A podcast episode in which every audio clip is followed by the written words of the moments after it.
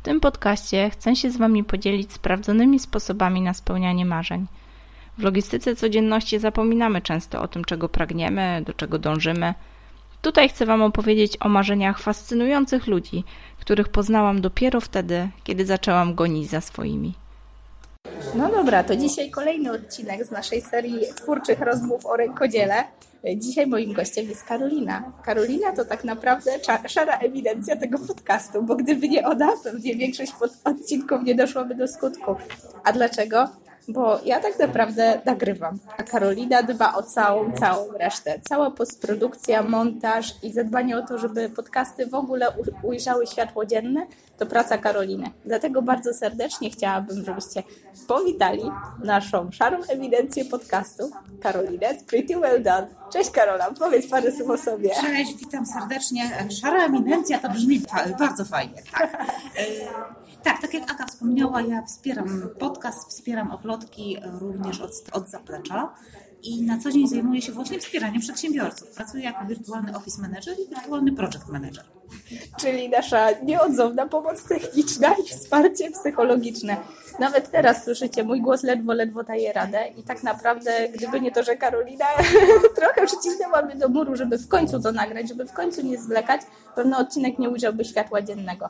Ale dlaczego zaprosiłam Karolinę? Bo bardzo chciałam e, poruszyć taką ważną kwestię, że e, często startujemy w tych naszych biznesach samodzielnie. No i nie da się inaczej, tak? No bo ciężko jest zarazić cały świat do tego naszego pomysłu, tej naszej pasji, tego naszego biznesu. Chociaż nie lubię tego słowa pasja w biznesie, już chyba jest przegadane ale w pewnym momencie okazuje się, że samemu nie jesteśmy w stanie ogarnąć wszystkiego. Mamy gorsze dni, mamy takie momenty zwątpienia, jest nam po prostu trudniej, no i po ludzku nie jesteśmy w stanie ogarnąć wszystkiego.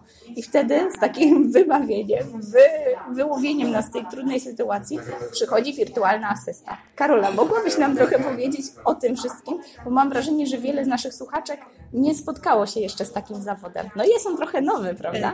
Tak, to jest zawód, który trafił na rynek tak naprawdę tutaj u nas w Polsce mniej więcej dwa lata temu, chociaż są dziewczyny, które pracują od 10 lat nawet, tylko wcześniej nawet nie wiedziały, że są wirtualnymi asystentkami. No tak. Pracowały z domu, robiły dokładnie to, co my robimy teraz, ale zawód był po prostu nienazwany.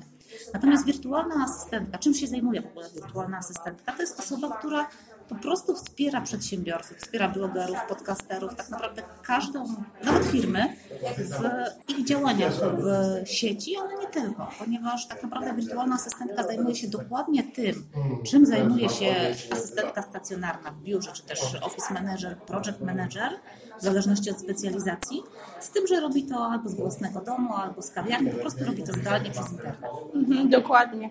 Ja się cieszę, że o tym opowiadasz, bo ja sama też nie miałam pojęcia, że ktoś taki w ogóle istnieje. Cały czas wydawało mi się, że jeżeli ktoś ma asystentkę, to to już jest taki VIP prezes i szef firmy. Gdzie mi tam e, w naszym, e, że tak powiem, rękodzielniczym korpo do statusu jakiegoś takiego prezesa, który potrzebuje wirtualnej asystentki.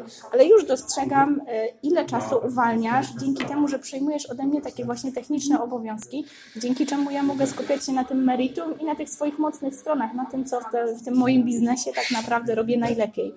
To takie uwalnianie czasu daje takie momenty, kiedy można się tak naprawdę zastanowić nad tym, gdzie idziemy dalej, co robimy dalej. I tak naprawdę, gdyby nie Twoja pomoc, pewno sam podcast nie miałby racji bytu, bo po prostu fizycznie doby by brakło, żeby to wszystko e, ogarnąć. Ale dlaczego chciałam też z Tobą o tym porozmawiać? Bo mam wrażenie, że często e, jesteśmy takimi sami Zosiami, Sanusiami. Pewno w swojej pracy też się z tym spotykasz i pewnie e, wspominasz, jak zaczynałyśmy, ja sama byłam takim typem, który po prostu e, kurczowo trzyma się tego, co robi i ewentualnie jakąś jedną, dwie rzeczy jest w stanie oddać, tak. puścić w swoim biznesie. Mamy takie dziwne poczucie, że jak nie robimy tego my, to, to nie będzie zrobione tak dobrze. O, jak bardzo się myliłam. Generalnie ja również mam z tym problem, ponieważ sama mam dużo pracy i no też szukam wsparcia w różnych osobach. Tak. Stwierdziłam, że no nie ma sensu, ponieważ w momencie, kiedy ja zaczynałam w ogóle działać, to stwierdziłam, że ja będę robić wszystko sama. Od księgowości poprzez marketing. Tak naprawdę byłam sobie szefem, sterem, okrętem, ale też sprzątaczką, marketingowcem, sprzedawcą, po prostu każdą osobą, która zajmuje jakieś tam stanowisko w firmie. Natomiast to nie ma sensu. Wiele asystentek ma na swoich stronach internetowych informacje, że one przejmą zadania, żeby przedsiębiorca miał czas dla siebie, dla rodziny, tak. na swoje hobby. Nie, to nie jest tak.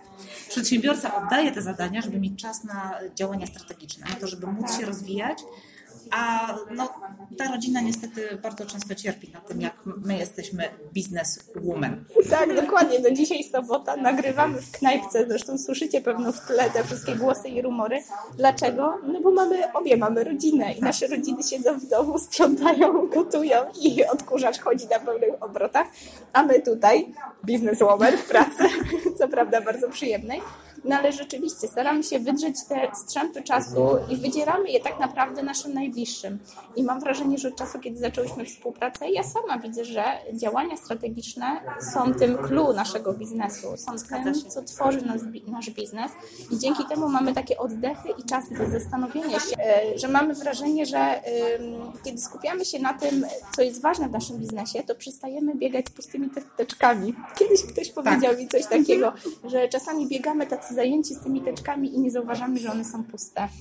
Zgadza się, do tego jeszcze człowiek tak naprawdę jak ma za dużo na głowie, to zaczyna zwalniać. Zaczyna zwalniać w pracy, przestaje się koncentrować na tym, co robi, dlatego rzeczywiście lepiej jest e, oddelegować księgowość księgowej, pisanie tak. tekstów tak. copywriterowi, a takie zwykłe prace, które zajmują mnóstwo czasu, naprawdę prace asystenckie zajmują bardzo dużo czasu, warto oddać osobie, która zrobi to szybciej niż my tak. i skupić się na meritum. Dokładnie. I mam wrażenie, że, że kawał dobrej roboty robimy tym podcastem, bo na co dzień, kiedy współpracuję z rękodzielnikami, e, no wiadomo, że pierwszą taką barierą jest w ogóle myślenie o tym zarabianiu na rękodziele. No żyjemy jednak w takich warunkach i w takim kraju, jakim żyjemy. Jeszcze to rękodzieło nie jest tak doceniane, jakbyśmy wszyscy marzyli. Wierzę, że to się będzie zmieniało. Już czuję, że się zmienia. Ale mam wrażenie, że kiedy zachęcam koleżanki po fachu, które są specjalistkami od ceramiki, od tkania, od szydełkowania, od drutów, żeby delegowały te prace, które sprawiają im trudność. Najczęściej to jest właśnie prowadzenie tych fanpage'ów, budowanie stron internetowych, budowanie gdzieś tam widoczności w sieci. Kiedy zachęcam je do delegowania tej pracy, mam wrażenie, że patrzą na mnie jak heretyczkę. No jak? Przecież nas nie stać.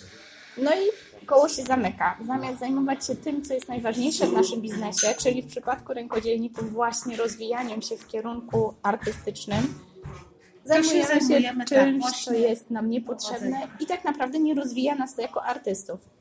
Tym podcastem trochę chciałam też zaapelować do tych właśnie naszych koleżanek po fachu, które rzeczywiście w momencie, kiedy zaczynają myśleć o rękodziele w kategoriach biznesowych, zaczynają wpadać w takie błędne koło, pracy przed komputerem. I po roku, dwóch, trzech łapią się na tym, że od dwóch lat nie stworzyły niczego nowego, nie pracowały przez choćby kilka godzin e, nad konkretnym projektem, nie szukały gdzieś tam wyzwań projektowych, bo były tak zajęte prowadzeniem fanpage'a. Prowadzeniem fanpage'a, dokładnie.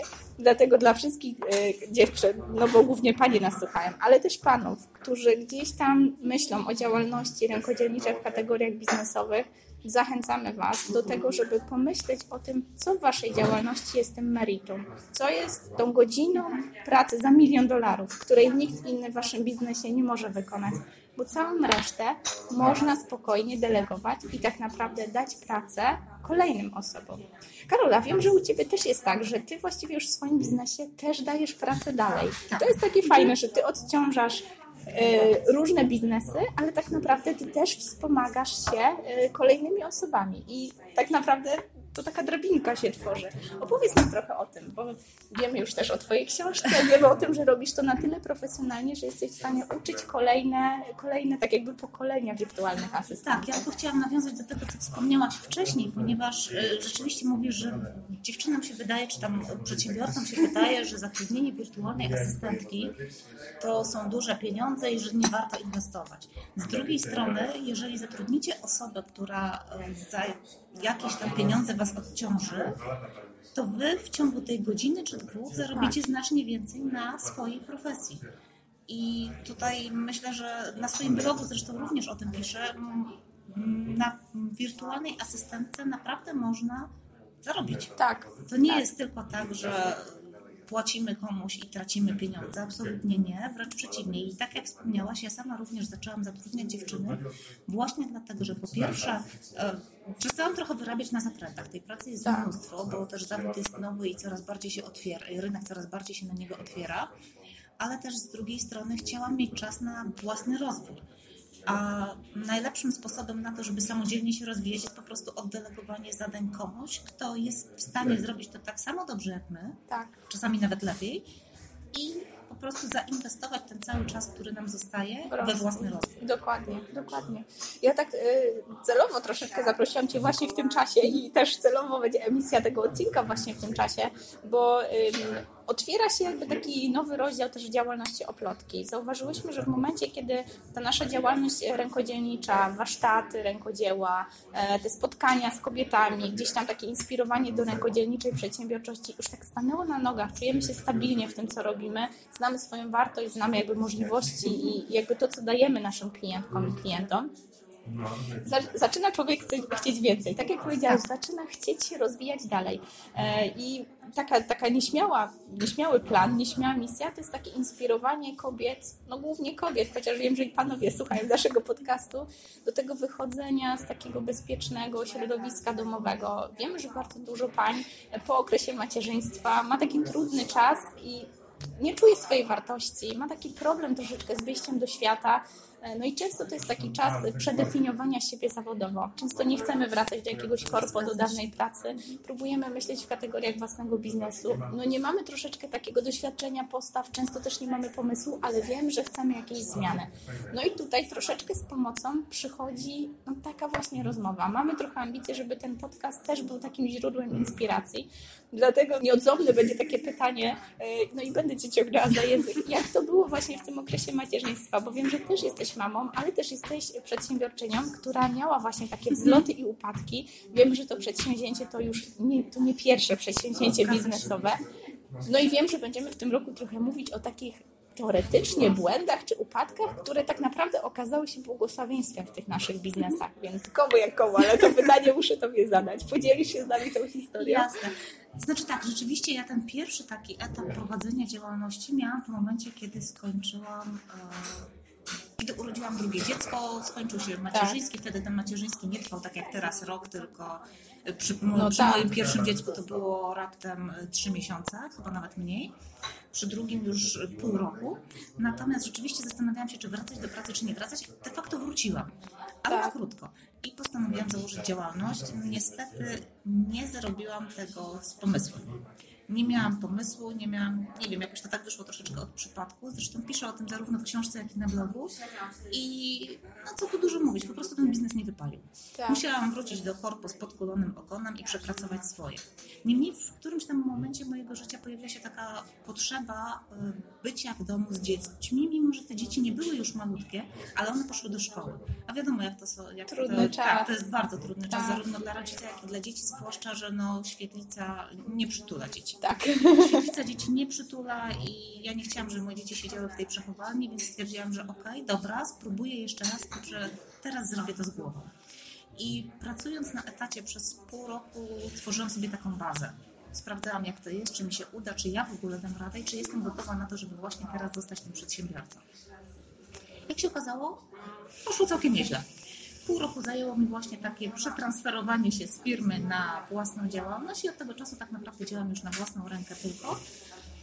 Kolejne półtora roku to był rozwój działalności, e, zdobywanie nowych klientów, zdobywanie nowych zleceń, a teraz właśnie chciałabym się skupić na tym takim właśnie rozwoju, rozwoju. własnym, tak, na, na tworzeniu własnych produktów, na pisaniu książek, na tworzeniu kursów, ale przede wszystkim na wspomaganiu dziewczyn, które chcą zacząć jako wirtualne asystentki. Bo to jest też taka moja misja, żeby pokazać, że my jesteśmy w stanie wziąć e, tak. sprawy w swoje ręce. Tak. I jeżeli tylko się ma wystarczająco siły, inspiracji, motywacji, ale też przede wszystkim tej determinacji i wsparcia drugiej osoby, to jesteśmy w stanie góry Tak, dokładnie. Ja też patrzę w ogóle jakby na Twoją działalność z takiej perspektywy właśnie doświadczeń naszych rękodzielników, bo jakby um, ciężko jest um, od razu jakby próbować zakładać swoją firmę. Tak jak mówisz, że u Ciebie to też było tak, że była jakaś porażka, musiałaś przemyśleć to i dopiero podeszłaś do tematu strategicznie, wiedziałaś jakby co zarabia i w momencie, kiedy masz już taką e, stabilizację finansową, możesz myśleć właśnie dalej o rozwoju, gdzieś o podzlecaniu. I mam wrażenie, że trochę przereklamowany jest teraz taki trend uciekania z tego korpo, taki wyidealizowany, nie wiem, wizerunek tego przedsiębiorcy czy przedsiębiorczyni, że to tak wszystko jest miód, cud i orzeszki. No i wręcz przeciwnie. Dokładnie. I jakby mało jest osób, które odczarowuje ten mit i mam wrażenie, że taka droga właśnie wirtualnej asysty to też taka, taki fajny początek, jeżeli nie mamy takiego mądrego pomysłu na ten nasz biznes, tak trochę wiemy, że chcemy coś robić, ale nie do końca wiemy co, nie mamy takiej jasnej strategii, to jest świetna okazja, żeby wspierając czyjeś biznesy, mhm. zarabiając, no bo to też nie, nie kryjmy, że uczyć to jest się. bardzo fajna praca, uczyć się właśnie tej strategii, podglądać troszeczkę mhm. osoby, które są parę kroków dalej i tak naprawdę czerpiąc na takim doświadczeniu, dbając tą stabilizację finansową, zaczynać coś swojego. Czyli, że nie zaczynać tak właśnie troszeczkę na wariata i nie, nadzieją, że się uda. Tak. Zupełnie nie warto zaczynać na wariata i też trzeba sobie zdać sprawę z tego, że jednak wirtualna asysta jest takim zawodem, który albo się lubi, albo się go nienawidzi. Tak. A jeżeli się go lubi, się go kocha, to ona nie będzie pracą dorywczą. Więc ja mam dziewczyny na przykład u siebie, które pracują u mnie po kilka godzin w tygodniu i one dopiero sprawdzają, ale w momencie, kiedy poczują tego bakcyla, tak. chcą więcej i więcej. I ja też troszeczkę przestrzegam przed tym, bo sama pracuję po kilkanaście godzin dziennie. Ja pracuję znacznie więcej. Tak, niż, przekleństwo, tak, kiedy lubi się swoją pracę. Tak, dokładnie. Tak. Ja pracuję znacznie więcej niż w momencie, kiedy pracowałam na etacie. Budzę się o 6 rano i przez dwie godziny kombinuję, co ja mogę. Ja tworzę jakieś tam PDF-y, tworzę materiały dla dziewczyn, tworzę materiały do kursu, piszę książkę, czy jakieś tam inne rozdziały treści po czym siadam do pracy, pracuję sobie tam powiedzmy tak. do godziny 17 i już o 20 czuję, że ja znowu muszę. Coś że ja, swojego, tak, że tak. Ja chcę, że, to jest, że teraz jest czas na napisanie bloga, na nagranie podcastu. No na wideo może trochę za późno, bo światło nie takie, ale już ten plan gdzieś tam wychodzi w trakcie. I rzeczywiście jest tak, że y, no, jeżeli się kocha tą swoją robotę, to człowiek, człowiekowi ciężko jest zachować taką troszeczkę tak. równowagę. Niemniej ja nie czuję jakby potrzeby tworzenia na sztucznej równowagi w moim życiu, że od tej do tej godziny tak. pracuję na etacie, a potem dobra, to ja już będę tylko z dziećmi w domu.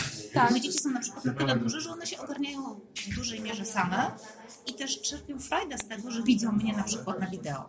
Albo przychodzą i mamo, chodź nagramy razem podcast, ja Ci zrobię zapowiedź. I to jest fantastyczne, bo ja czuję, tak. że one mają wzór i widzą to wsparcie, ja widzę to, czuję tak. wręcz to ich wsparcie takie. Dla mnie to też jest wielka wartość, że właśnie zaraża się tą przedsiębiorczością nie przez to, że mówi się ruch, tak jak to uczymy często dzieci, mów dziękuję, tylko tak, przez to, że dziękuję. Tak. tak. No rzeczywiście coś w tym jest, że też mam taki jakby cel, żeby uczyć dzieci przedsiębiorczości, no bo mamy takie czasy, a nie inne i mam wrażenie, że ten trend uciekania od korporacji i szukania takich modeli biznesowych, które są skrojone na naszą miarę, to jest ważna rzecz, o której powiedziałaś, że właśnie ty masz ochotę przycisnąć, masz ochotę tak. pracować 12 godzin dziennie i mam wrażenie, że to takie work-life balance, to to jest taka idealna definicja, że kiedy mamy ochotę przycisnąć, to ciśniemy, ale jeżeli mamy ochotę odpocząć, chcemy, po prostu czujemy się wypalone, my jesteśmy paniami własnego biznesu i możemy zwolnić. Możemy pojechać na wakacje, możemy odpocząć, bo gdzieś tam to, że pracowałyśmy dużo czasu mhm. wcześniej, daje nam taki bufor finansowy, czy gdzieś tam mamy dużo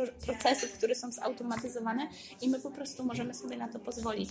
Mam wrażenie, że uderzyłaś po prostu w taki też czuły punkt u mnie w rodzinie, bo rzeczywiście na początku działalności oplotki, kiedy też byłam właśnie po drugim dziecku i byłam taka spragniona tego biznesu, -hmm. gdzieś tam niewyżyta pani architekt, która podjęła decyzję, że jest z dziećmi, ale w środku cierpi, bo czuje, że taka ta przedsiębiorcza część umiera. Tak to pamiętam, że te półtora roku to wręcz mąż robił mi wyrzuty, że tak po to odeszłaś od tej architektury, gdzie narzekałeś, że telefony w środku nocy, gdzie ty teraz w środku nocy nagrywasz jakieś wideo, live i Bóg wie co.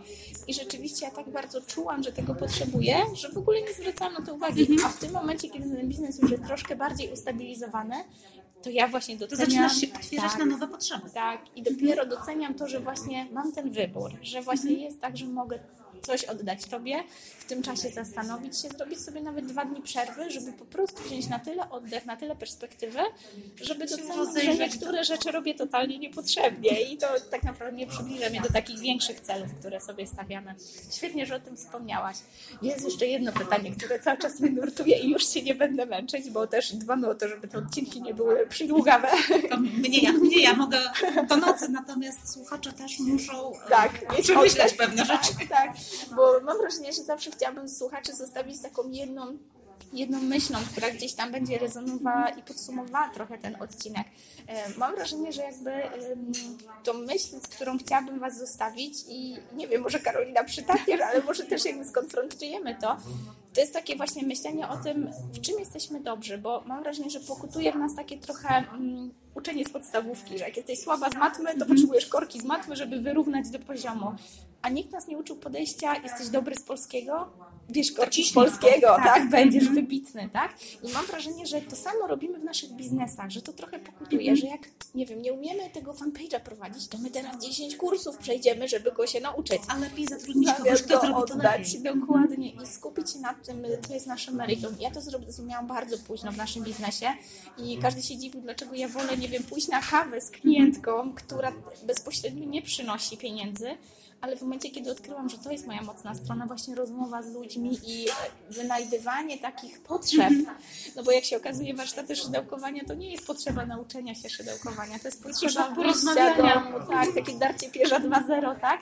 No i taki kameralny networking wśród koleżanek, których już nie bawi wyjście na browara na miasto to dopiero odkryłam, że rzeczywiście ten biznes zaczął się rozwijać w takim kierunku, który daje mi taką osobistą satysfakcję.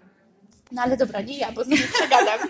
czy masz wrażenie, czy, że rzeczywiście y, te przedsiębiorczynie, z którymi współpracujesz, też jakby zrozumiały tą prawdę, że warto skupić się na tym, na, na, na czym są dobre? Na pewno, ale co więcej, ja sama w trakcie mojej pracy zrozumiałam, że nie muszę być najlepsza we wszystkim. Bo rzeczywiście jest tak, jak mówisz, ja na samym początku chciałam być najlepszą asystentką po prostu no tak. w każdym, po prostu w każdym obszarze. I na mojej liście, na samym początku, jak ja zaczynałam działać, tam było tysiące rzeczy, które ja potrafię robić. Rzeczywiście ja potrafię to robić, ale nie we wszystkim jestem tak. wybitna tak. i y, lepiej czasami skupić się na tym, co się potrafi. I właśnie w ten sposób rozwinęła się troszeczkę też moja specjalizacja, bo ja uwielbiam pisać ja to pisanie rozwinęłam naprawdę uważam do poziomu takiego e, level master. I też y, spotykając się z potencjalnymi klientami, mówię o tym, że moją specjalizacją jest cała warstwa językowa, czyli tak. połączenie copywritingu, ale też wspierania stron, tworzenie treści na fanpage, tak. czyli wszystko to, co jest związane z językiem. Natomiast nie upieram się koniecznie przy tym, żeby tworzyć strony internetowe, mimo że to potrafię, nie jest to moim hobby. Nienawidzę cyferek, rzeczywiście z matematyki jestem noga, jak mam dodać 2 do 2, to biorę kalkulator w rękach. Yy, tak, no jako przedsiębiorca nie powinnam tego mówić. Natomiast no, od tego mam księgową, od tego mam tak. też inne osoby, które mnie wspomagają, żebym nie musiała tego robić sama. I podobnie było z strategią mojego biznesu. Ja również poszłam do specjalisty, który mi pokazał, w jakich kierunkach mogę się rozwijać i jakie są te moje mocne no, strony. Dokładnie. Pomógł mi to odnaleźć. Dokładnie. Więc chyba to jest taka myśl, którą warto zostawić naszych tak, słuchaczy. Że nie tak. ma co cisnąć na to, żeby wszystko samemu i ja jestem Zosia Samosia robię, tylko po prostu e, skupić się na skupić się, tak, przede wszystkim zastanowić się na tym, co jest dla nas ważne, jakie są nasze mocne strony i dążyć w kierunku ich rozwoju. Świetnie, chyba nie mam lepszego podsumowania. To rzeczywiście jest taka myśl, którą chciałabym, żeby nasze słuchaczki i nasi słuchacze, żeby nie było, że mówię tylko do Pani, żeby zostali. To do usłyszenia. Słyszymy się już w następnym odcinku. Zapraszamy Was w kolejny poniedziałek. Do usłyszenia. Dziękuję serdecznie i do usłyszenia. Wielka polecajka. Karolina, zapomniałyśmy o tym wspomnieć w rozmowie. Przecież Twoja książka y, Rzuciłam pracę i co dalej? Czyli jak zostać najlepszą wirtualną asystentką w branży i nie zwariować. To jest po prostu hicior. Wczoraj przeczytałam ją jednym tchem. Tym bardziej dziękuję za jeszcze świeżutki, cieplutki egzemplarz. Kochani, kochane właściwie, polecam z, po prostu z głębokiego serca. To jest pozycja, którą trzeba przeczytać, niezależnie od tego, czy chce się rozpoczynać karierę jako wirtualna asystentka, czy po prostu chce się zostać freelancerem. Myślę, że to jest lektura obowiązkowa również dla osób, które od dłuższego czasu prowadzą swoją działalność. Aż miło posłuchać, że nie jesteśmy sami, że te wszystkie bolączki to jest taka norma, że nie tylko my zmagamy się z takimi codziennościami. Dzięki Karolina jeszcze raz za tą książkę. Pochłonęłam jednym tchem i mam wrażenie, że będzie stałą pozycją na doła w działalności gospodarczej. Pozdrawiam, buziaki. Czy to, o czym opowiadam, w jakiś sposób rezonuje z Twoimi wartościami, priorytetami, marzeniami? Jeżeli tak, zasubskrybuj ten podcast, aby nie przegapić kolejnych odcinków. Będę Ci ogromnie wdzięczna za opinię i podzielenie się informacją o tym podcaście ze znajomymi, którym również, mam nadzieję, uprzyjemnić chwilę oddechu od logistyki codzienności.